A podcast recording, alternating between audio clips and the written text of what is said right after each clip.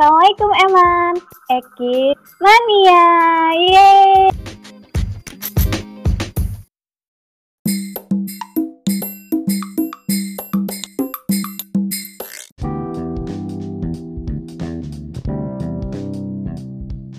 Nah, jadi kembali lagi di Penyu Podcast yang bakal eman banget nih kalau teman-teman lewatin. Nah, di episode kali ini bakal ada yang nemenin itu ada aku, Hana, dan tiga cowok-cowok. Nah, yang pertama itu adalah Halo semuanya, aku Mahbub. Halo, aku Azmi.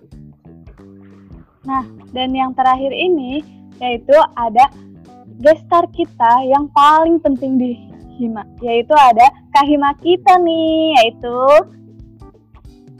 Halo, aku Faiz. Halo Faiz. Halo, Faiz. Halo, Kak Halo, Faiz. Oke, jadi di episode kali ini kita akan bahas eh, seputar bincang-bincang santai soal eh, situasi yang sedang kita alami saat ini, yaitu Ramadan di tengah COVID-19. Dan kebetulan juga karena kita berasal dari berbagai daerah di Indonesia, jadi kita akan saling cerita nih gimana keadaan di daerah masing-masing. Gitu. Mungkin langsung saja kita mulai ya. Yang pertama, yang pertama mungkin saja langsung kita mulai dari kahima kita dulu, yaitu Kak Faiz.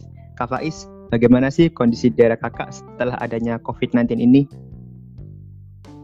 Kondisi alhamdulillah kan kebetulan juga ini aku masih di Surabaya juga kan. Jadi alhamdulillah memang yang udah kita tahu Surabaya juga udah nerapin PSBB gitu. Alhamdulillah memang ada sedikit dampak juga sih akibat Covid dengan kebijakan adanya PSBB itu. Hmm, mm, mm, mm. Jawa Timur lumayan banyak kasusnya ya, Is ya. Eh, eh, jadi Jawa Timur itu sejauh ini kan peringkat dua sih setelah Jakarta untuk kasus COVID ini sendiri. Eh, Mas Faiz, un- untuk di daerahnya Mas Faiz sendiri, masih adakah orang-orang yang melanggar kebijakan dari pemerintah terkait kebijakan di pemerintah untuk menanggulangi COVID-19 ini? Ya sejauh ini ada sih, ya hampir mayoritas. Memang awal-awalnya aja itu memang kalau dari awal penerapan PSBB itu alhamdulillahnya memang ya banyak yang menerapin, tapi lama kelamaan sampai hari ini aja ya udah beberapa itu udah kayak udah bosen dan akhirnya ya melanggar-melanggar gitu. Oh, Oke. Jangan, jangan ditiru ya guys, jangan ditiru itu nggak bagus banget. Nah, ya benar banget. Oke, kita lanjut saja mungkin itu yang tadi dari Surabaya. Sekarang bagaimana daerah dari Pulau Sumatera nih, Kak Mahbub? Bagaimana di daerahnya Kak Mahbub? Oke, jadi eh, aku jelasin dulu ya. Jadi aku kan tinggal di sebuah daerah di Sumatera yaitu Lampung, tepatnya di Kabupaten Lampung Selatan. Lebih tepatnya lagi di Kecamatan Tanjung Bintang. Eh, jadi kalau update update eh, situasi di sini kemarin aku baru lihat berita itu kasus positifnya itu sekitar 80-an gitu. Dan untuk di wilayah Lampung Selatan sendiri kurang lebih 10 orang yang udah positif COVID-19. Karena aku tinggal di wilayah yang eh, bukan kota ya, artinya di di kampung. Jadi eh, di sini orang-orangnya cenderung eh, kayak nggak ada apa-apa, cuman emang masyarakatnya lebih banyak yang pakai masker dan lain-lain. Cuman kemarin aku sempat ke pasar, eh, sempat belanja juga karena memang kepepet harus belanja. Dan di pasar itu masih banyak orang, masih banyak banget orang dan itu nggak memperhatikan aturan yang udah dicanangkan oleh pemerintah kayak physical distancing eh, kayak gitu jadi kurang kurang bagus lah harusnya tetap Hmm. mengikuti anjuran pemerintah gitu Oke. Kalau untuk di daerahnya Mas Mahbub sendiri ada dampak yang signifikan nggak terkait eh, dari COVID-19 ini? Mungkin dari perekonomiannya atau mungkin dari eh, lingkungan dan kebijakan baru dari pemerintah sekitarnya? Oke, jadi kalau di daerahku sendiri itu karena memang di Lampung Selatan ya khususnya di Lampung Selatan itu masih eh, karena kasus positifnya masih sedikit, jadi kurang eh, tidak terlalu berpengaruh gitu. Beda lagi kayak Jakarta, Surabaya dan sekitarnya kota-kota besar yang memang kasus positifnya itu banyak gitu. Kalau di Lampung Selatan sendiri itu masih sedikit. Bahkan kemarin sempat seminggu itu di Lampung seminggu itu nihil kasus positif dan dua hari lalu itu nambah. Jadi karena di sini kasusnya sedikit, jadi nggak nggak terlalu berpengaruh ya. Gitu sih. Cuman tetap harus Oke. ngikutin anjuran pemerintah yang yang baiknya. Ya, sip. Mantap sekali dari Kak Mabu. Eh, selanjutnya kita coba lihat dari daerah Jabodetabek yaitu Kak Hana. Kak Hmm. Hana, silakan cerita tentang daerahnya. Pusat penyebaran Halo, ya. halo. Wih, wih. Wow, Menarik penyebaran menarik, menarik. sekali. Jadi Gimana, gimana, aku gimana? itu eh, di Bekasi, tapi lebih terperincinya itu di daerah Cikarang dan Cikarangnya pun lebih ke pelosok lagi. Sama banget tuh kayak Mahbub tadi, jadi lebih ke kampung. Nah, eh, kondisi di kampung ini di di rumahku sih, daerah rumahku di kampung ini sih sama persis banget kayak Mahbub. Jadi seakan-akan nggak ada eh, nggak ada apa-apa. Cuma memang eh, ada yang udah sekarang pakai masker, biasa keluar pakai masker, tapi ya rame tetap rame gitu. Jangan-jangan kita sedaerah nih. Wow, mungkin ya, kayaknya kita tetanggaan deh. Iya, nggak sadar ya kita nggak sadar. Nggak pernah ketemu mungkin ya. Hmm, Nah, jadi eh kalau di aku ini di Cikarang kotanya sih emang sudah banyak banget penyebarannya yang positif juga lumayan ada dan eh di sini juga pemerintah kan pasti udah nutup-nutup kayak mall kan kayak eh, tempat grosir, pasar dan lain-lain. Nah, tapi di situ masih bandel gitu loh. Eh kayak masih banyak banget apalagi menjelang lebaran ini nih jadi kayak masih banyak banget yang mau belanja baju apalah dan itu nggak mematuhi sama sekali nggak mematuhi aturannya nggak ada sama sekali psbb kayak ya sampingan aja biasa gitu jadi sebenarnya masih sedikit banyak bandelnya sih kalau di daerah sini Oke oke. Hmm. Selanjutnya mungkin Azmi kali ya. Kan Azmi Azmi Hmm. dari dari mana nih Azmi? Azmi dari mana? Dari Banyuwangi saya, dari Banyuwangi. Walah Banyuwangi. Wangi gitu Iya. ya. Air airnya wangi gitu nggak sih? Oh, wangi banget, Itu wangi wangi banget. banget. Enggak enggak enggak. Jadi di Banyuwangi gimana Mi? Di Banyuwangi gimana? Eh, kalau di Banyuwangi khususnya daerahku sendiri itu eh, tidak berjauh beda sama yang di daerah sebelumnya seperti yang di Lampung di daerahnya Mas Mabub. Alhamdulillah jumlah positif ODP maupun PDP itu tidak sebanyak di kota-kota besar.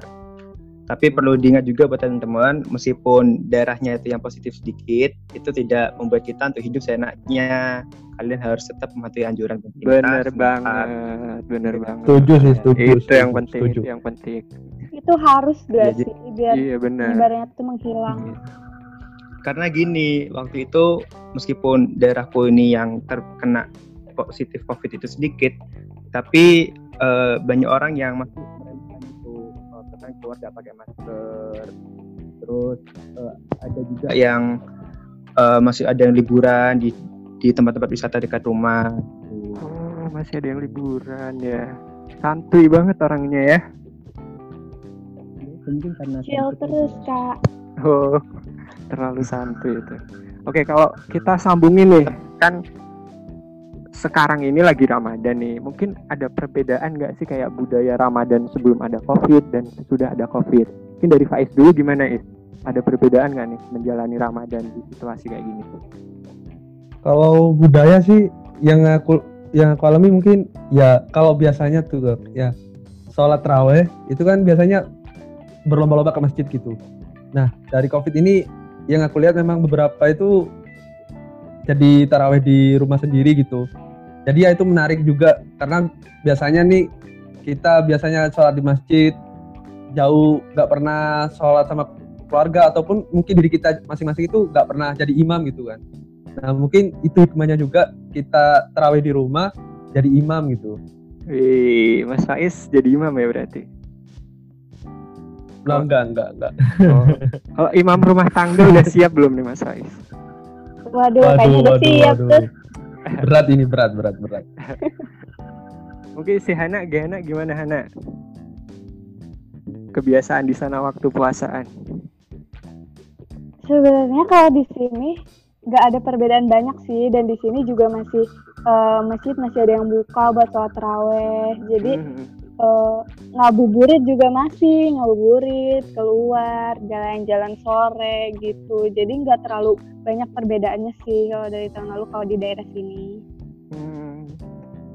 Kalau eh, di daerahku sih ya, karena memang balik lagi tadi karena belum ditetapkan menjadi zona merah, jadi di sini tetap masjid tetap buka, eh, pasar-pasar juga masih rame. Eh, kebiasaan juga nggak ada yang berubah sih sebenarnya kalau waktu puasa sebelum dan sudah ada yang covid ini. Sering banyak masih banyak orang ngabuburit tiap sore masih taraweh dan gitu sih. Kalau di daerahku kalau di Banyuwangi sendiri gimana nih Banyuwangi Banyuwangi Eh, di Banyuwangi sedikit ada berbeda nih mas. Jadi Hmm. pemerintah itu sudah menerapkan yang namanya physical distancing. Jadi eh, masjid tetap buka, tempat ibadah tetap buka, cuma ada berjarak sekitar satu tekel besar gitu antara jamaahnya. Jadi sholat Hmm. jamaah di sini tetap berjalan, taraweh berjalan, tapi ya itu ada berjaraknya. Untuk sholat sendiri, sholat id sendiri besok ini juga gitu, hanya jamaah cowok yang sholat id besok di masjid. Dan juga tetap berjarak gitu. Hmm. Terus kalau di Banyuwangi sendiri itu eh, perbedaan yang paling terasa tuh ter- di daerah-daerah kota terutama tuh orang yang punya toko atau swalayan yang biasanya itu tutupnya jam 9 jam 10 sekarang jam 6 sore sudah tutup Indomaret atau Alfamart yang biasanya 24 jam itu sekarang jam 6 sore sudah tutup jadi di Banyuwangi lebih kayak gitu suasananya Oke oke. Jadi karena eh, yang sempat aku baca nih ya, kalau fatwa dari MUI itu masih membolehkan masjid buka apabila memang keadaannya belum memasuki zona merah. Jadi kalau apabila Hmm. udah memasuki zona merah itu memang masjid ditutup gitu. Eh, pusat-pusat berbelanjaan ditutup karena memang di daerahku nih di Lampung Selatan belum ditetapkan menjadi zona merah jadi masih eh, sholat jamaah masih diizinkan cuman memang tiap hari di sini tuh ada polisi gitu. Jadi ngingetin gitu pakai stiker Hmm. tolong jaga jarak pakai masker rajin cuci tangan dan lain-lain gitu gitu Polisinya aktif berarti ya Bob ya. iya rajin memberi sosialisasi kepada masyarakat mengingatkan masyarakat supaya tetap jaga kesehatan gitu.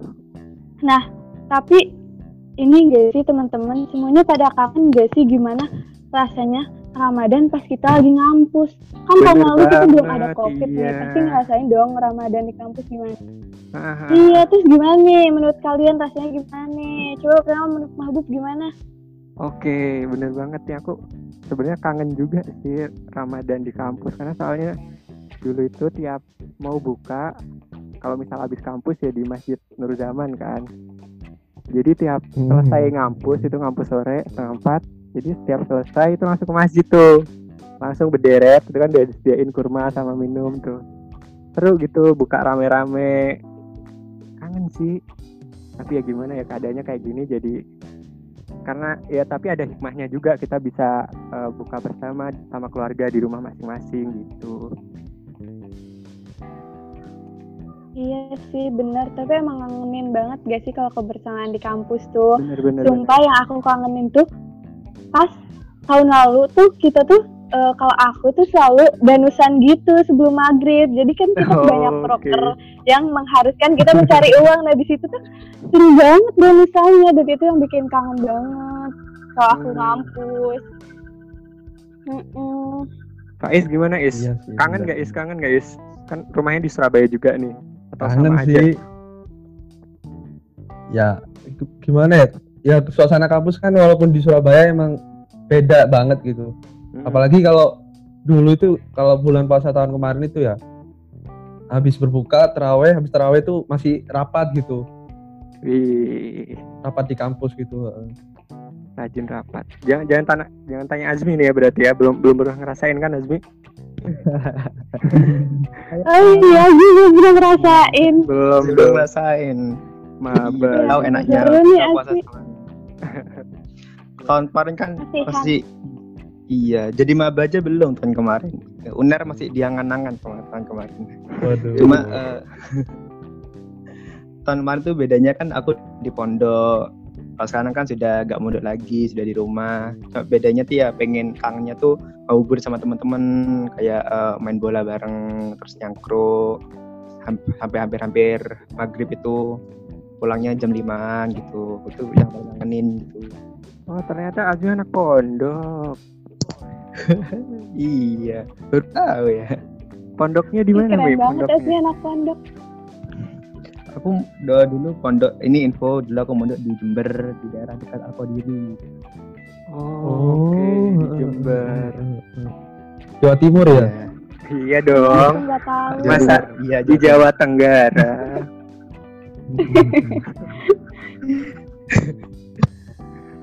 Oke, terus aku mau mau ngasih pertanyaan spesial buat ketua hima kita Mas Faiz. Eh, kalau Mas Faiz sendiri menganggap adanya COVID-19 ini sebagai apa? Apakah memang ini bencana atau ya udahlah takdir atau gimana? Is. Kalau aku lihatnya sih ya setiap apa yang kita dapatkan itu ya ya ada positif dan negatifnya gitu kan. Ya kalau dari sisi positifnya ya mungkin ini cara Tuhan untuk mendekatkan kita dengan keluarga juga sih. Karena biasanya juga bulan puasa nih buat yang anak rantau mungkin puasa di kos-kosan ataupun berbukanya di kos-kosan, sahurnya di kos-kosan gitu kan. Nah, gara-gara Covid ini semuanya berbukanya di rumah masing-masing. Terus ya bisa kuliah juga, bisa kumpul sama keluarga juga. Bener bener bener bener. Kalau kita tarik situasinya ke organisasi yang saat ini kamu eh, masuki nih sebagai ketua hima, gimana tuh meng- menghadapi COVID-19 ini? Ya sebenarnya ya ini sih karena covid ini emang kita dituntut inovatif dan juga apa ya eh, lebih ke adaptif adaptif juga terhadap kondisi yang ada. Jadi ya beberapa proker ataupun kegiatan yang biasanya dilakukan di kampus kita pindah ke lewat online ataupun ditunda setelah covid ini selesai. Oke. Terus mungkin Mas Faiz bisa ngasih pesan, kesan dan harapan untuk kita semua selama menghadapi COVID-19 ini di tengah eh, ini kan udah mau akhir Ramadan nih dan menjelang hari raya Idul Fitri. Mungkin bisa ngasih sedikit pesan-pesan dan kesan mungkin Mas Faiz. Ya mungkin kesannya ya apa yang kita alami sekarang ya ini adalah sebuah pemberian dari Allah. Entah itu baik bagi kita atau ataupun buruk kita ya kita ambil hikmahnya aja sih. Karena kalau kita melihat hikmah maka ada sebuah kecerahan yang akan kita dapatkan. Dan untuk teman-teman yang di sini juga mungkin gimana sih perkuliahan gimana sih organisasi kok kayak gini kayak gini ya kita ambil hikmahnya aja semoga covid ini cepat berlalu dan ya insya Allah apa yang kita rencanakan ke depan bisa terlaksana dengan baik. Amin, amin, amin, amin, ya robbal alamin. Amin. Ketiga. Ekis, Go ahead, Go ahead. Ekis, go ahead, Go Go ahead. ahead. Ekis.